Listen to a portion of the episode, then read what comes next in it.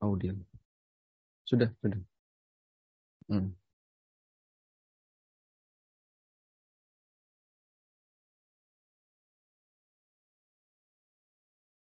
Assalamualaikum warahmatullahi wabarakatuh. Alhamdulillahi rabbil alamin wassalatu wassalamu ala asyrafil mursalin nabiyina wa maulana Muhammadin wa ala alihi wa sahbihi ajma'in la ilaha illallah wahdahu la syarikalah wa ashhadu anna Muhammadan abduhu wa rasuluh.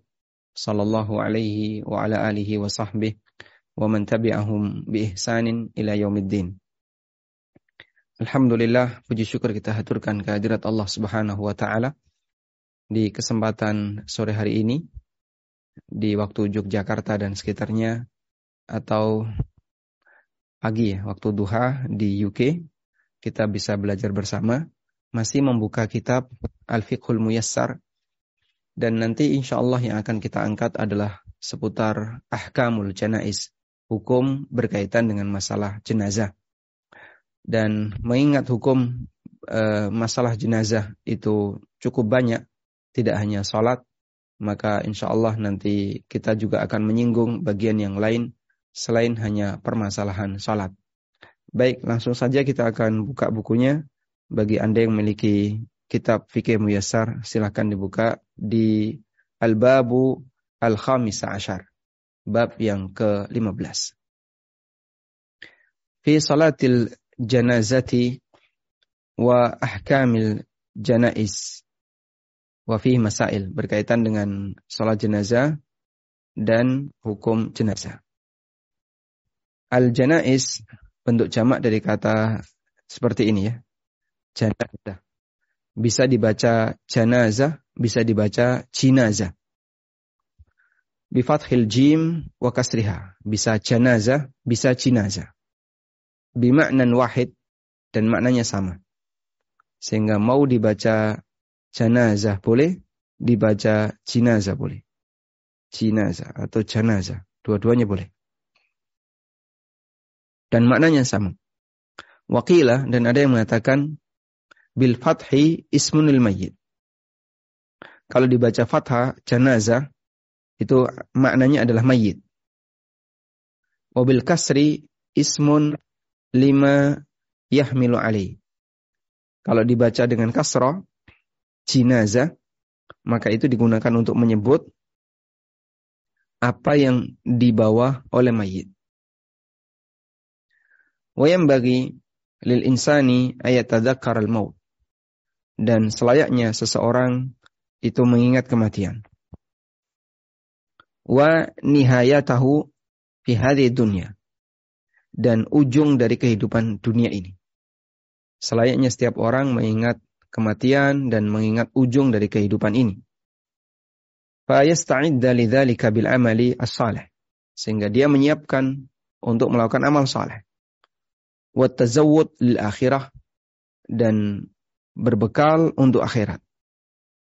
Wattaubah minal ma'asi dan bertaubat dari segala perbuatan maksiat. Wal khuruju minal madzalim dan menyelesaikan semua bentuk kezaliman. Sehingga dengan mengingat kematian akan membuat seseorang semakin semangat dalam beramal akhirat karena dia menyadari dia butuh bekal untuk menghadap Allah Subhanahu wa taala. Wa tusannu iyadatul maridi wa tadhkiruhu bitaubah dan dianjurkan untuk menjenguk orang sakit, mengingatkannya untuk bertaubat wal wasiyah dan menyampaikan wasiat. Terutama ketika sakitnya mendekati uh, kematian. Faidah tudira yusannu talkinuhu. Faidah uhtudira. Apabila sudah mendekati kematian dalam posisi uhtudir, dalam posisi ihtidar, ihtidar artinya sakaratul maut. Yusannu talkinuhu, maka dianjurkan untuk mentalkinnya dengan ucapan la ilaha illallah. Wa taujihuhu lil kiblah dan dihadapkan ke arah kiblat dengan cara posisi kepala berada di timur apabila dia di Indonesia, lalu diangkat agak naik ya, kepalanya sehingga kasurnya dimiringkan ya agar dia bisa menghadap ke arah kiblat. Fa'idha mata sunnah tagmiduhu. Dan ketika dia mati, maka dianjurkan untuk dipejamkan. Wal isra'u bitajhizihi dan segera untuk tajhiz, menanganinya. Dengan memandikan, mengkafani, itu namanya tajhiz. Jahaza yujahizu artinya menyiapkan untuk dimakamkan wa dafnihi dan memakamkannya. Nah, dan kita bisa lihat ya bahwasanya Nabi Shallallahu Alaihi Wasallam menganjurkan kita untuk berbuat baik kepada mayit dan itulah amal soleh orang yang hidup untuk mayit. Karena itu praktek seperti ini selayaknya dilakukan dengan sukarela meskipun boleh berbayar selayaknya dilakukan dengan sukarela sebagai bentuk seperti inilah jasa seorang muslim yang terakhir untuk saudaranya muslim yang lain sebelum dia dikebumikan. Sehingga memandikan itu kalau bisa sukarela, mengkafani itu juga kalau bisa sukarela. Demikian pula ketika mengantarkan ke, ke pemakaman, kalau bisa sukarela dan tidak meminta bayaran. Apalagi sholat, kalau sholat jelas sukarela. Kemudian kita akan membaca beberapa permasalahan, beberapa pelajaran dalam bab ini. Al-mas'alatul ula, pelajaran yang pertama. Hukmu ghaslil mayyit wa kaifiyatihi. Hukum hukmu ghaslil mayyit wa kaifiyatuhu. Hukum memandikan jenazah dan tata caranya. Hukumnya memandikan jenazah hukumnya wajib berdasarkan perintah Nabi Shallallahu Alaihi Wasallam. Dan di sini konteksnya adalah jenazah Muslim. Kita tidak membaca atau tidak membahas tentang jenazah non Muslim. Hukum memandikan jenazah adalah wajib berdasarkan perintah Nabi SAW. Sebagaimana sabda beliau untuk orang yang mati dalam kondisi ihram, alladhi waqasathu naqatuhu, yang dia terpelanting, jatuh dijatuhkan oleh ontanya. Ya. Nabi SAW mengatakan, Irsiluhu bima in wasidrin. Mandikan dia dengan menggunakan air plus bidara. Coba kita lihat di footnote, muttafaqun alaih, hadis riwayat Bukhari Muslim. Wa qawluhu sallallahu alaihi wasallam dan juga sabda Nabi SAW untuk putrinya Zainab bintu Muhammad sallallahu alaihi wasallam. Zainab radhiyallahu anha ketika mati maka yang menangani jenazahnya, yang memandikannya adalah tim perempuan yang dipimpin oleh Ummu Atiyah. Nabi SAW mengatakan, Igsilnaha salasan, au khamsan, au sab'an. Mandikan dengan tiga kali siraman, atau lima kali, atau tujuh kali. Yang jelas dibuat ganjil. Wahuwa fardu kifayatin ijma'an. Dan memandikan jenazah hukumnya fardu kifayah berdasarkan ijma ulama. Sekarang kita akan lihat kaifiatul ghusli.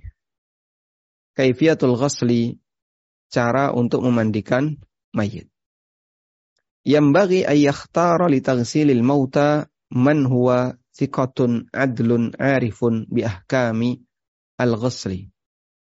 Selayaknya yang yang dipilih untuk memandikan mayit adalah orang yang terpercaya, orang yang baik, adil maksudnya di sini adalah baik karakternya, bukan preman, bukan pendusta, bukan orang yang adil.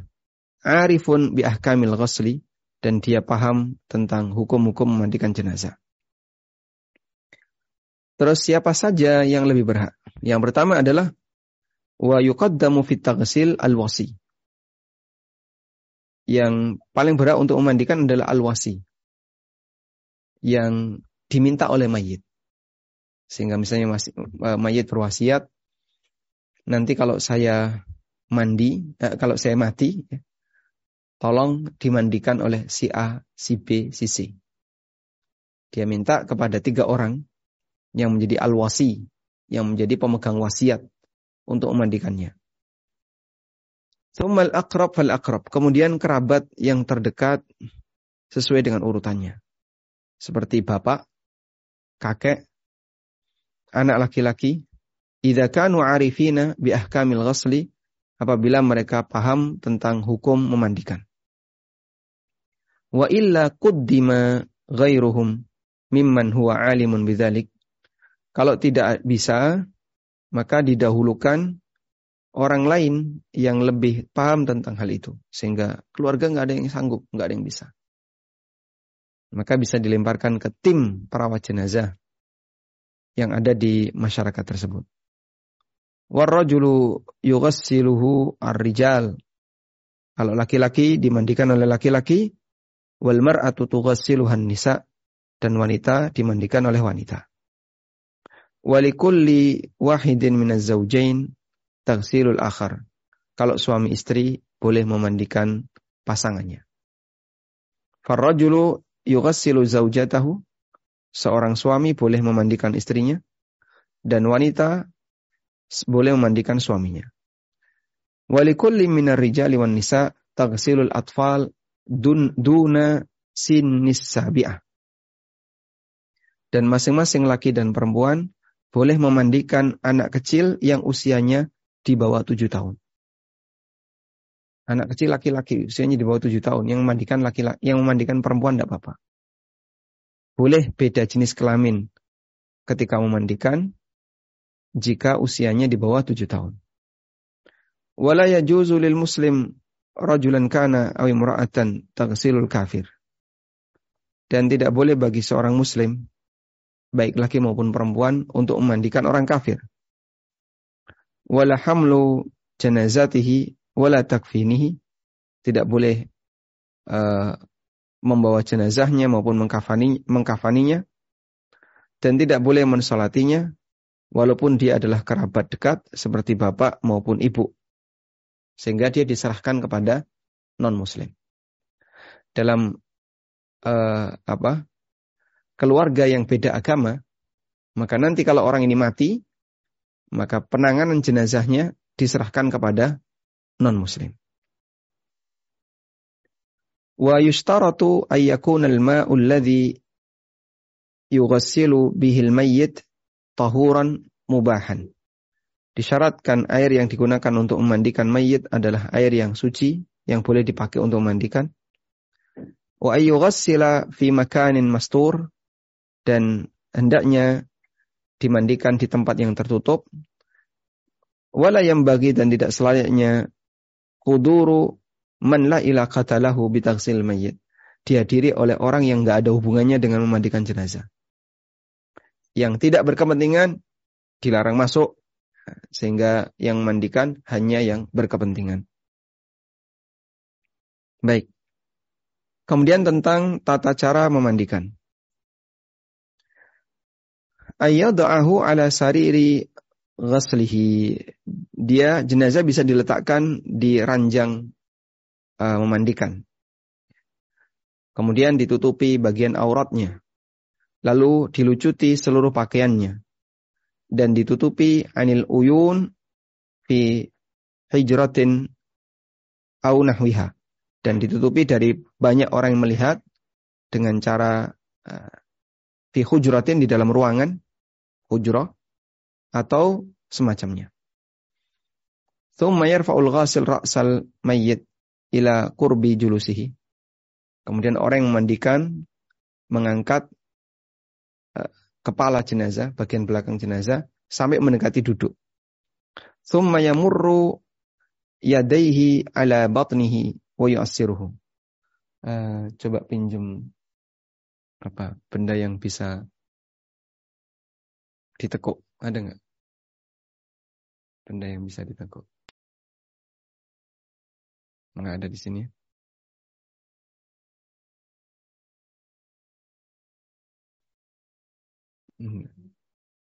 Guling kecil nggak ada ya?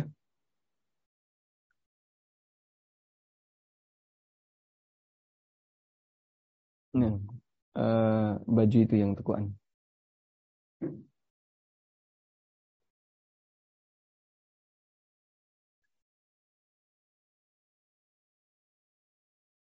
Nah, nah.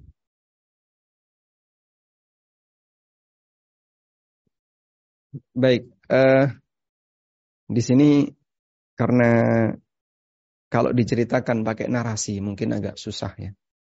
Maka narasi saya bantu dengan dengan peraga. Anggap saja ini adalah jenazah namun kecil ya. Ini kepalanya. Ini kepalanya. Jadi kalau memandikan taruh di tempat yang tertutup kemudian mayit ditaruh di ranjang untuk memandikan. Biasanya ranjang memandikan bawahnya sudah ada penadah air agar kotoran-kotoran tidak lari ke mana-mana. Ini dinaikkan sampai mendekati duduk, lalu tangan memeras perut. Wayu asiruhu, kemudian diperas, ditekan pelan-pelan. Summa yunadzifu al-makhrajain. Kemudian tempat keluarnya najis, yaitu dubur dan kubul dibersihkan. Bisa dengan cara disemprot atau dengan menggunakan sarung tangan bagian tangan kiri masuk ke masuk ke apa selangkangan kemudian ngambili kotoran. Lalu dibersihkan dikasih sabun dibersihkan. Baik. Wa yunajji al mayyit wa yughassilu ma'al al makhrajaini min najasatin dan dia mendekat ke mayit lalu dibersihkan bagian yang ada di selangkangannya. Wadzalika bi lifi khirqatin ala dengan menggunakan sarung tangan. Tsumma yanwi al-ghusla kemudian diniatkan niat untuk memandikan. Uyusammi membaca bismillah, bismillah. Wa yuwaddi'uhu diwudukan sebagaimana wudu salat illa fil madmadah wal istinsyak. Fayakfi mashu al fami wal anf. Kecuali untuk berkumur dan menghirup air ke dalam hidung, cukup diusapkan di bagian mulut. Ya, sehingga saya menggunakan sapu tangan atau kain atau anduk kecil, kemudian saya masukkan ke dalam mulutnya. Saya bersihkan giginya dengan menggunakan anduk tadi, sebisanya. Wal anf, kemudian hidung. Saya ngambil air dengan dua jari, lalu saya masukkan ke dalam hidungnya. Thumma yughassilu ra'sahu walihiyatahu bima isidr. Kemudian dikeramasi dulu. Kepalanya dimandikan, termasuk juga uh, jenggotnya dengan menggunakan air yang bercampur dengan sidr. Bercampur dengan bidara. Gantinya bidara adalah sabun. Nah, karena sebenarnya fungsi bidara itu untuk keset sabun atau sampo. Kalau keramas berarti sampo. Thumma yughassilul mayamin thummal mayasir. Kemudian dicuci bagian kanan, kemudian bagian kiri. Bagian kanan dulu disiram, kemudian digosoi. Kemudian bagian kiri disiram, kemudian digosoi. Thumma yukmilul ghasla bakil jasad. Kemudian setelah itu baru uh, bagian badan yang lain. Dan disiram bagian badan yang lain dikosoi. Wa yustahabbu ayyulaffa ala yadihi khirqatun halat taksil dan dianjurkan tangannya itu dibungkus dengan menggunakan sarung tangan. Wal wajibu ghuslatun wahidah idza hasala biha al-inqa wal mustahabba wal mustahabbu thalathu ghaslatin wa in hasala al inqa. Dan yang wajib adalah dimandikan sekali apabila itu sudah membersihkan dan dianjurkan untuk tiga kali meskipun itu sudah bersih. Jadi terhitung sekali itu dalam proses tadi ya. Dari mulai mewudukan, keramas, kemudian disiram bagian kanan dulu, bagian kiri, lalu seluruh badan. Itu dihitung sekali. Lalu dia dibalik, kemudian bagian belakang disiram, terus bagian belakang disiram, nah, bagian belakang ya, disiram kemudian digosoi. Wa yustahabbu ayyaja'ala fil ghaslatil akhirah kafura dan dianjurkan untuk siraman yang terakhir dengan menggunakan air yang dicampur kapur, kapur barus. Dicampur dengan kapur barus yang wangi intinya. Thumma yanshiful mayyit, kemudian mayit diandui. Wa yuzilu anhu ma yushra'u izalatuhu minal adhafir wa syu'ur wa yudaffar sya'rul mar'ah dan dianjurkan untuk dibersihkan bagian yang dianjurkan untuk dibersihkan seperti kuku, nah, kukunya dipotongi. Kemudian rambut-rambut yang perlu dicukur, kumis, cukuri. Bulu ketiak ada nggak? Boleh bulu ketiak dicukuri kalau masih memungkinkan untuk dibuka keteknya. Bulu kemaluan, cukur bila perlu. Nah, dianjurkan untuk dicukuri semua. Sehingga didandani dengan cakep. Kemudian untuk rambut wanita, dia dikepang. Wayusdal min waro'iha, lalu ditaruh di bagian belakangnya. Jadi tidak ditaruh depan, tapi bagian belakang. Wa idza ta'adzara ghuslul mayyit li'adami wujudil ma' kalau tidak memungkinkan untuk memandikan jenazah karena enggak ada air atau karena munqati al-jism biharkin wa nahwihi atau karena badannya itu terpotong-potong seperti misalnya dia terbakar maka ini kalau dikasih api Masya Allah Pak digosok gini dagingnya bisa ya kayak daging matang itu fa innahu yuyammam biturab. Maka cukup ditayamumi. Tepukkan tangan, kemudian di wajahnya pelan-pelan, ya. Jangan sampai ditarik, nanti dagingnya bisa sobek. Kemudian tangannya. Wa yustahabbu liman ghasalal maitan ayyagtasila ba'da taghsilihi. Dan dianjurkan bagi yang memandikan jenazah untuk mandi. Dan itu sifatnya dianjurkan. Ada sebagian yang menjelaskan kenapa setelah memandikan jenazah dianjurkan untuk mandi untuk menghilangkan kesan apa cici atau kesan mengerikan dalam dirinya. Sehingga dia tidak merasa cici dan kemudian keramasi semua bersihkan dah. Ya sebagaimana orang habis nyentuh sesuatu yang menjijikkan maka dia akan pingin mandi, segera dia bersihkan semuanya, ya, biar tidak ada kuman-kuman yang masih nempel pada dirinya. Baik. Baik. Teman-teman di UK ada petugas seperti ini nggak? Atau biasanya gimana? Ada Ustaz di tempat di pemakaman-pemakaman ada di tempat pemakaman muslim ada.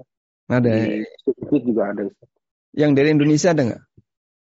dari Indonesia setahu saya tidak ada yang maksudnya terorganisasi khusus untuk itu nggak ada. Tapi nggak kalau teman-teman aja ada. Tapi di sana dikasih kebebasan siapa pun boleh memandikan atau hanya tim khusus? Oh boleh Ustaz. Ada. Kalau di di tempat pemakaman boleh. Di masjid juga dianjurkan keluarga untuk ikut. Jadi ada memang tempat-tempat yang khusus untuk itu. Kalau pemakaman Islam udah banyak. Berarti bebas ya? Bebas. Baik, alhamdulillah. Kalau begitu mungkin teman-teman butuh latihan ya, yang tidak ya, pernah. Betul. Mungkin kasus di sana lebih jarang daripada di Indonesia, tapi kalau bisa seorang Muslim punya kemampuan ini. Baik. Dan coba kita lihat di sini siapakah yang uh, al-ghasla, siapa yang memandikan. Yang paling afdol yang memandikan mayat adalah yang paling tahu dengan sunnah memandikan dan dia orang yang sikoh, amanah, orang baik, terlebih kalau dia bagian dari keluarganya dan kerabatnya. Dan memandikan jenazah sendirian tuh bisa. Ya, hanya saja mungkin butuh ini ya, butuh ngangkat-ngangkat kalau tidak kuat, butuh bantuan orang lain. Sebenarnya sendirian bisa. Kalau misalnya dia kuat untuk nekuk orang itu, kemudian digulingkan ke samping, gulingkan ke samping, dia kuat, dia bisa sendirian. Lianna alladhina tawallaw ghaslahu sallallahu alaihi wasallam kanu min ahlihi ka'aliyin wa ghairihi. Karena yang memandikan jenazah Nabi sallallahu alaihi wasallam adalah keluarga beliau seperti Ali bin Abi Thalib dan yang lainnya. Wa aulan nasi bighaslihi dan orang yang paling berhak untuk memandikan adalah wasi. Orang yang diberi wasiat. Alladhi awsa ayyughassilahu yang dia diwasiatkan untuk memandikannya. Kemudian ayahnya, lalu kakeknya, kemudian di urutan terdekat dari kalangan keluarga yang dapat asabah, thumma dhawu arhamihi, kemudian uh, Dawatil Dul Arham. Dul Arham itu kerabat yang nggak dapat warisan. Dan wajib kalau yang memandikan laki dimandikan laki, perempuan perempuan. Ini pengulangan dengan yang tadi. Dikecualikan suami istri. Karena masing-masing boleh memandikan pasangannya. Berdasarkan hadis Aisyah radhiyallahu anha, kata Nabi SAW, "Lau kunti istakbalti min amri mastadbarti Eh, kata Aisyah radhiyallahu anha, "Lau kuntu istaqbaltu min amri." Mastadbartu ma ghaslan Nabi SAW ghairu nisa'i. Andaikan saya bisa balik ke waktu dulu. Andaikan saya bisa balik ke belakang. Maka ma ghasalan Nabi ya sallallahu alaihi wasallam ghairu. Maka tidak ada yang memandikan Nabi SAW selain para istrinya. Ini perkataan Aisyah radhiallahu anha. Dan ini menunjukkan bolehnya suami istri memandikan jenazah. Dan Nabi SAW pernah mengatakan kepada Aisyah radhiallahu anha, Lau muti qabli, kamu wahai Aisyah, kalau mati sebelumku, lagasal tuki wa tuki. Aku akan memandikanmu dan aku akan mengkafanimu. Dan Asma bintu Umais memandikan suaminya Abu Bakar As-Siddiq radhiyallahu anhu. Baik, dan ini bisa kita lihat ya, betapa kuatnya mental wanita sampai dia bisa memandikan jenazah suaminya. Tidak semua wanita bisa seperti itu. Lihat suaminya mati, nangis, nangis terus pingsan. Ya, suruh memandikan ya malah pingsan terus nanti. Wala yughassalu syahidul ma'rakah. Dan orang yang mati di medan jihad, dia tidak dimandikan. Karena Nabi SAW merintahkan korban perang Uhud untuk langsung dimakamkan dengan menggunakan kain yang dia pakai. Walam yughassilu, walam yughassalu dan mereka tidak dimandikan. Walam yusalla alaihim dan tidak disolati. Wa kadzalika la yukaffan wa la yusalla alaihi dan dia tidak dikasih kafan khusus dan tidak disolatkan, namun dia dimakamkan dengan pakaian yang dia bawa, kama fil hadis sabik, sebagaimana hadis di atas. Kemudian as-siqat. Was-siqat. Apa itu as-siqat? Keguguran. Anak yang keguguran. Qabla tamamihi, sebelum tamam, sebelum terbentuk manusia sempurna. Baik laki maupun perempuan, idza balagha arba'ata asyurin, jika dia sudah uh, apa? mencapai usia empat bulan dalam kandungan. Ghusila, maka dia dimandikan, wa kuffina dan dikafani, wa sulliya alai dan disolati. Li'annahu ba'da arba'ati asyurin yakunu insanan karena setelah empat bulan, maka statusnya sebagai manusia. Baik. Sekarang kita akan uh, memberikan kesimpulan ya dari memandikan tadi. Nah. Berkaitan dengan masalah memandikan.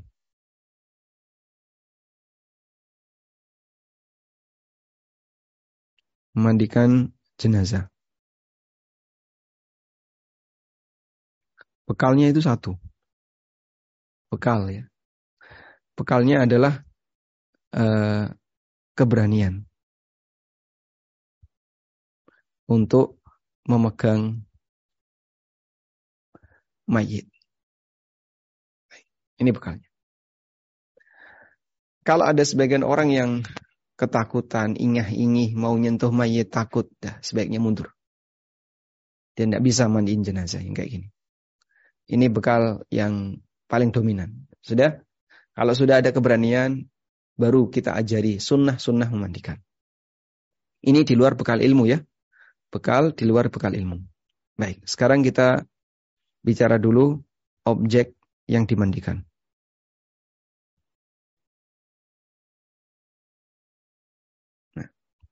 Mayit ada yang wajib dimandikan.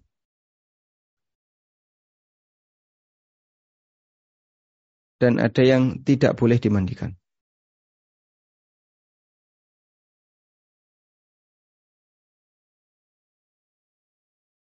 Yang wajib dimandikan adalah semua muslim. Termasuk yang mati ihram. Yang mati ihram. Tapi untuk yang mati ihram ini kepala tidak ditutupi. Sehingga saat mengkafani dia dia tidak ditutup kepalanya. Sehingga dia dikafani dengan kelihatan kepalanya. Terus dimasukkan ke dalam ke, dalam kuburan. Li'annahu bu'itha yaumal qiyamati mulabbiyan. Nabi SAW pernah mengatakan, Li'annahu bu'itha yaumal qiyamati mulabbiyan. Karena dia akan dibangkitkan di hari kiamat sambil membaca talbiyah.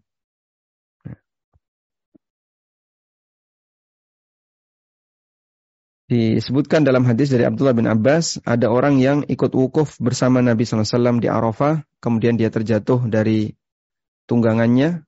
Qala Ayyub, kata Ayyub, fawaqasathu. Dia terjatuh. Famata, lalu dia mati. Faqala, kemudian Nabi SAW mengatakan, Ighsiruha bima'in wasidrin mandikan dengan menggunakan air dan campur bidara.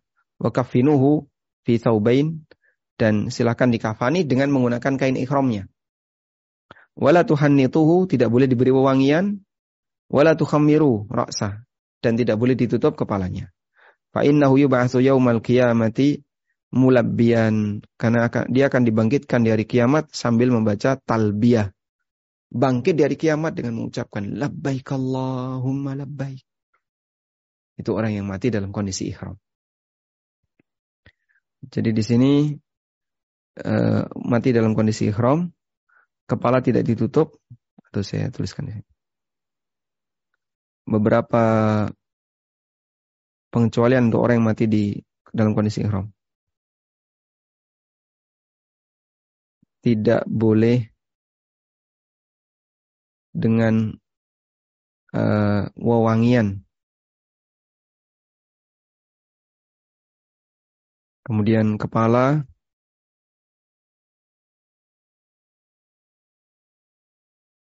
tidak ditutup.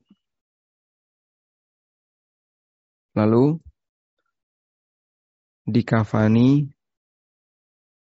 dengan kain ihram. Ini kondisi khusus kondisi orang yang mati dalam kondisi ihram. Lalu yang kedua yang dilarang untuk dimandikan. Ada dua ya.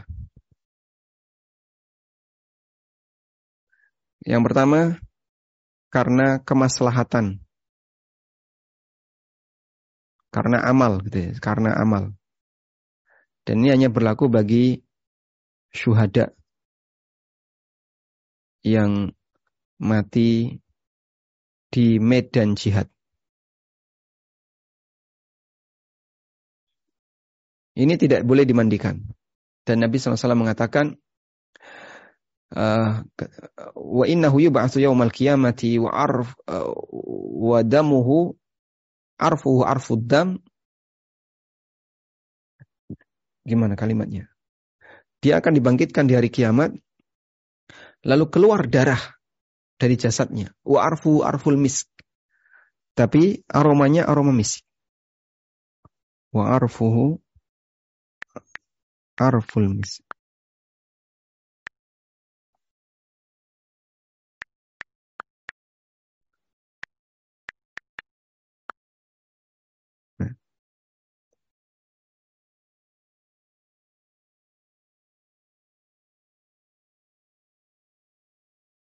Ya, di sini Nabi SAW bersabda, Kullu kalmin yuklamuhul muslim fisabilillah. Semua luka yang dialami oleh muslim di jalan Allah, yakunu yaumal qiyamati kahayatiha. Maka besok di hari kiamat, seperti itu luka itu. Jadi dia tidak kering. Tapi luka itu akan tetap menganga, ya, terbuka. Itu inat sejak sebagaimana ketika baru saja dia terkena senjata tafajjuru daman. Keluar darah. Al-launu launud dam wal arfu arful misk. Warnanya warna darah tapi aromanya aroma minyak kasturi. Ini khusus bagi mujahid. Makanya dia tidak boleh dimandikan untuk mempertahankan bekas luka yang ada di jasadnya. Nah. Kemudian yang kedua, karena kondisi yang melarang untuk dimandikan. Dan ini terjadi pada jenazah yang mati kebakaran. Dagingnya matang. Itu kalau dimandikan, digosok. Masya Allah bisa sobek itu dagingnya sehingga tidak boleh maka dia di di apa ditayamumi sehingga di sini ditayamumkan baik ini berkaitan dengan kondisi mayit selanjutnya kita bicara tentang media media untuk memandikan ada tiga jenis air. Satu, air siraman. Ini kosong ya. Tanpa campuran. Yang kedua, air eh, apa? Untuk membersihkan. Ini air plus sabun atau bidara. Air plus sampo atau bidara. Karena fungsinya untuk dibuat keset. Yang ketiga, air bilasan. Yang ini air plus parfum. Atau kapur barus. Atau dua-duanya. Dan saya dulu waktu memandikan, karena agak mendadak waktu itu, sehingga saya berangkat di rumah sakit, ternyata tidak ada perlengkapan kayak gitu. Akhirnya saya minta air satu ember, nah, saya bawa parfum, tak buka, tak masukkan itu semua, tak campur, kapur barus tidak ada. Pokoknya parfum tak buka, taruh situ. Dah, yang penting wangi. Sehingga bisa dikasih tambahan kapur barus atau parfum. Ini untuk air bilasan. Bagian akhir nanti ya. Baik. Nah, fungsi air siraman ya untuk gelontor. Dibasahi dulu pakai air siraman. Dah. Setelah itu dibersihkan tadi. Kemudian teknis sekarang kita bicara teknis, tata cara teknis memandikan. Sebenarnya teorinya memandikan jenazah teorinya ya, memandikan jenazah itu sama dengan mandi junub. Nah, ada teorinya ini. Teori memandikan jenazah sama dengan mandi junub. Kalau Anda bisa mandi junub secara sunnah, maka bisa memandikan jenazah. Sekarang teman-teman saya tanya. Apa hal yang pertama kali dilakukan ketika mandi junub? Silakan jawab. Langsung di kolom chat. Coba lihat di kolom chat. Apa hal yang pertama kali dilakukan ketika mandi junub?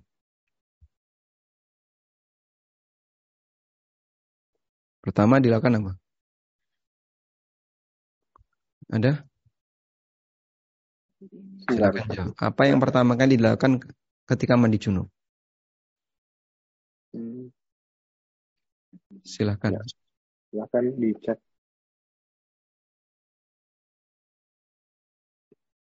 Wah, belum ada nih. Oh, ada yang membersihkan kemaluan katanya Ustaz.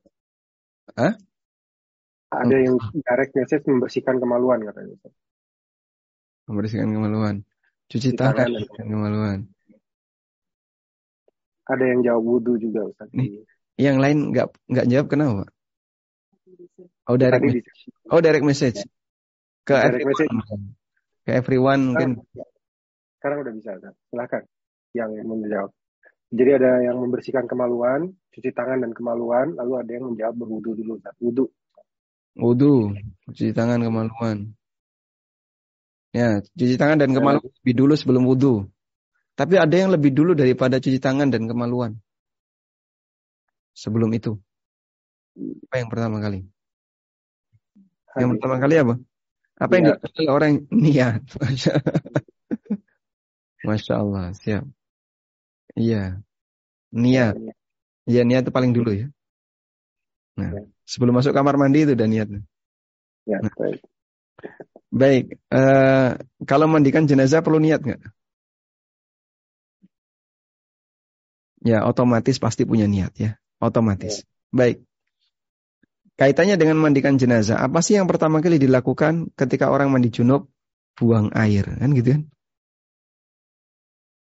Apa yang pertama kali dilakukan orang ketika mandi junub? Buang air dulu. Ya.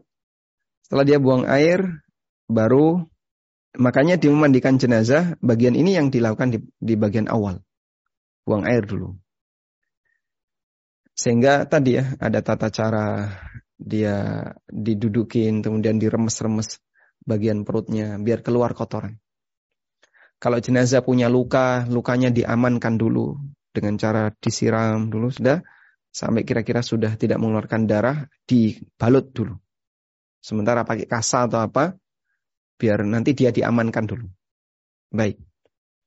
Setelah buang air, baru yang kedua cuci kemaluan. Cuci kemaluan jenazah. Kemudian setelah itu yang ketiga apa? Yang ketiga wudhu atau sebelumnya ini. Sebelum wudhu adalah sikat gigi. Jadi giginya digosoki dulu. Setelah cuci kemaluan, beres, udah tangan kita kita cuci, beralih ke gigi. Sikat gigi.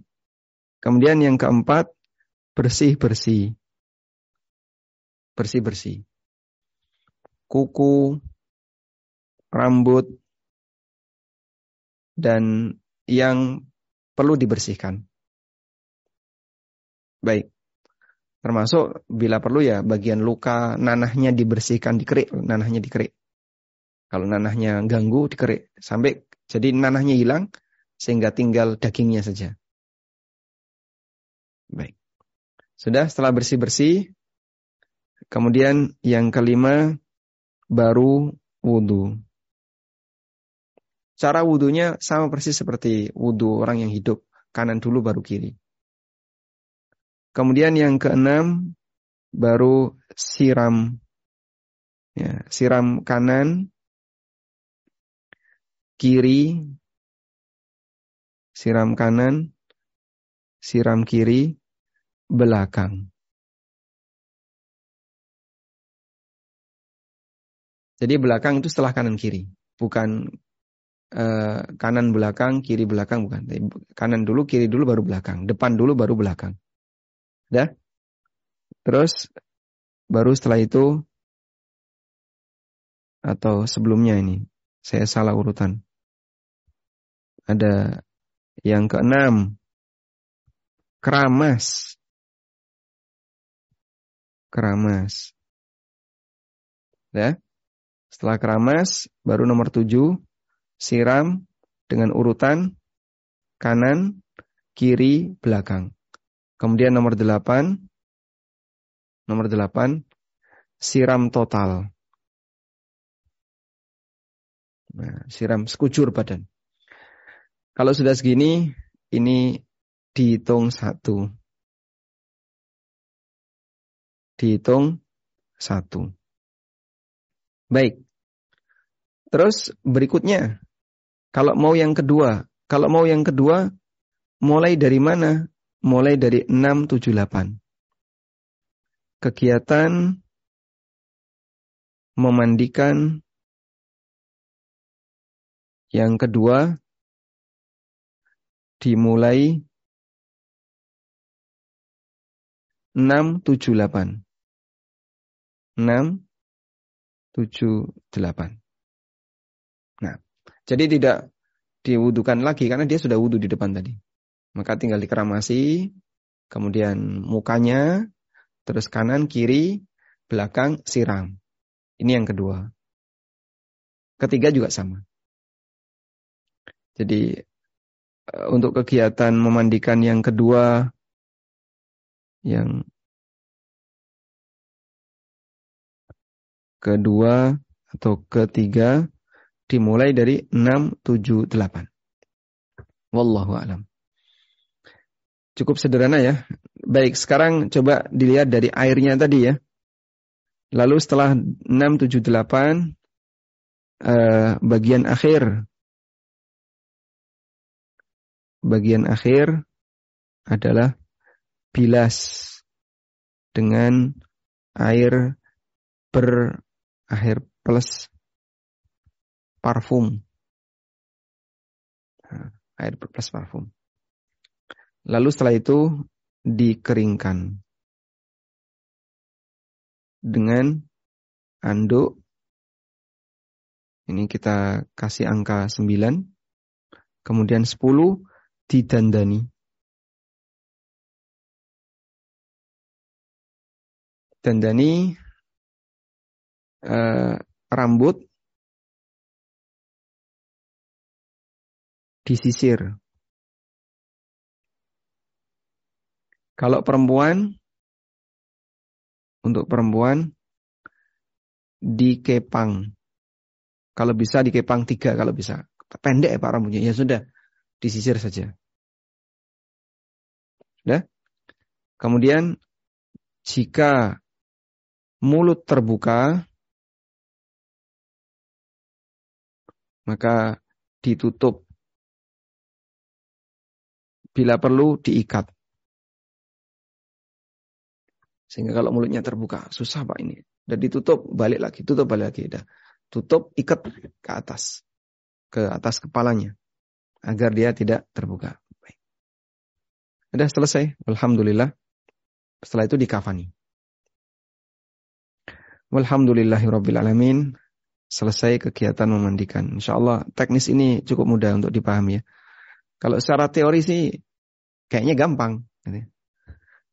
Kalau ini kan buang air, kemudian cuci kemaluan, ini air siraman. Ini juga air siraman.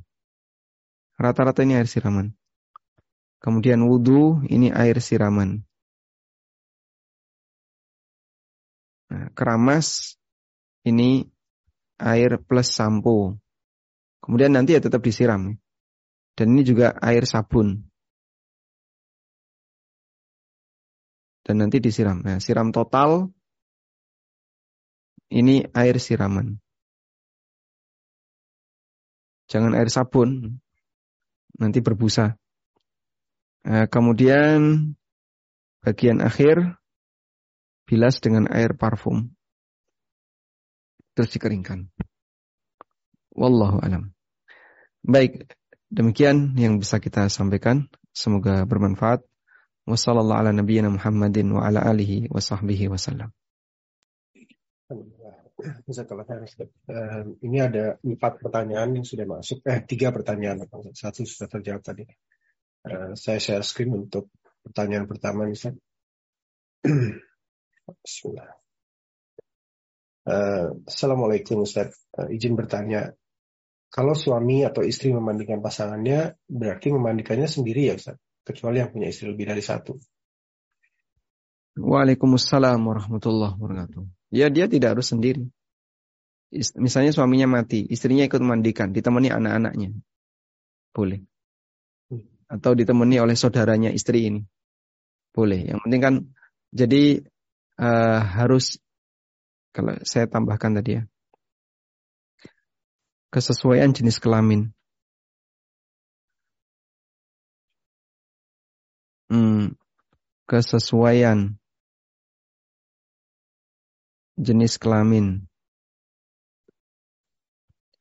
Pada asalnya wajib sama kecuali satu suami istri yang kedua untuk jenazah kurang dari tujuh tahun. Nah nanti kalau istri yang mau mandikan ya istri dengan anaknya atau dengan tapi anaknya yang laki-laki yang perempuan tidak boleh. Hmm. Atau dengan uh, saudaranya istri atau saudaranya suami. Begitu. Wallahu a'lam. Makasih Ustaz. Uh, sebelum ke pertanyaan nomor dua, uh, Afwan Ustaz tadi yang dari urutan yang Ustaz sampaikan terakhir ini dari summary-nya itu untuk potong rambut, potong rambut dan potong kuku itu di mana Ustaz? Sebelum di setelah berbudu lalu dipotong rambut, bulu-bulu dan kuku atau sebelum nomor 10 nih Ustaz? Yang lebih tepat sebelum. Sebelum. Lebih tepat Jadi, sebelum, sebelum kena air. Sebelum kena air. Okay. Hmm. Karena kita kalau mau mandi kan bersihkan dulu. Sebelum ya. kena air dikerek-kerek dulu bulu-bulunya. Ya. Nah. Ya. Baik. Baik, selanjutnya Ustaz, pertanyaan nomor dua. Bismillah izin tanya Ustaz. Kalau rambut mayat dikepang, ujungnya diikat atau tidak Ustaz? Nah, ujungnya di, diikat. Kalau enggak lepas nanti. Dan uh, seperti ini karena kebutuhan ya diizinkan. Bisa diikat dengan rambutnya sendiri kalau memungkinkan, kalau enggak ya dia bisa dibantu dengan karet atau apa dan nanti dilepas ketika memungkinkan sebelum dikafani. Nah, pada saat dibungkus kapan dia dilepas. Selanjutnya ini yang terakhir mungkin untuk malam ini Ustaz, eh, untuk pagi ini. Assalamualaikum, izin bertanya Ustaz. Kalau zaman sekarang bagaimana membedakan yang wafat karena jihad jadi tidak boleh dimandikan? Waalaikumsalam warahmatullah. Jihad di zaman sekarang apa nggak ada? Kalau masih ada, orang yang mengalami kejadian itu dia dihukumi sebagaimana uh, yang berlaku bagi mujahid di masa silam. Hmm. Misalnya yang ikut dalam pembelaan negara Islam misalnya. Orang Palestina misalnya. Dia berusaha untuk, dia didolimi oleh orang kafir, lalu dia melawan dan akhirnya dia mati. Ya. Mungkin bisa jadi kita sebut dia mati dalam posisi syahid. Hmm. Syahidul ma'rokah. Atau kaum muslimin yang ikut jihad melawan orang-orang syiah di Suriah atau kaum muslimin yang ikut jihad ketika melawan orang Syiah di Yaman. Ya, kalau konteks sekarang kayaknya masih kelihatan ya. Model praktek jihad syar'i. Dan meskipun ini semuanya bukan wewenang saya untuk menyampaikan jenis jihad syar'i seperti apa, hanya sebagian contoh kecil yang bisa kita angkat seperti itu. Andai kan ada negara Islam yang diserang oleh negara kafir, lalu kaum muslimin di negara itu membela, sampai dia mati, maka dia termasuk mujahid yang mati syahid. Wallahu a'lam. Alhamdulillah Ustaz, um, saya kira dari pertanyaan-pertanyaan jamaah tidak ada yang raise juga, jadi sudah habis untuk pagi ini Ustaz. Baik, karena ini lebih ke praktek sebenarnya. Ya. Nah, kalau teori, ya kita terima jadi rata-rata ya. Jenazah sudah diantar ke rumah. Paket dari rumah sakit akan lebih bagus memang kalau kita punya kemampuan dan ini sebenarnya melatih mental. Enggak semua orang punya kemampuan seperti itu. Maka kami sarankan mungkin teman-teman coba untuk melatih mentalnya. Uh, berani menyentuh mayat itu termasuk di antara prestasi seorang muslim. Ya saya sebut prestasi karena seharusnya orang itu punya kemampuan seperti ini. Baik, demikian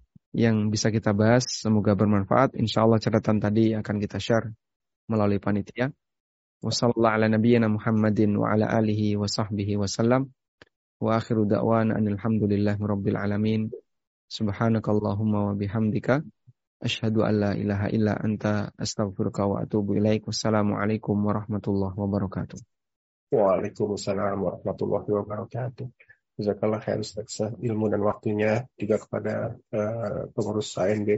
Insya Allah kita akan bertemu kembali di kajian-kajian bersama Rumah Dakwah UK di minggu yang akan datang. Dari kami, kami mohon maaf jika ada kesalahan, baik dalam sikap maupun perkataan. Barakallahu. Wassalamualaikum warahmatullahi wabarakatuh.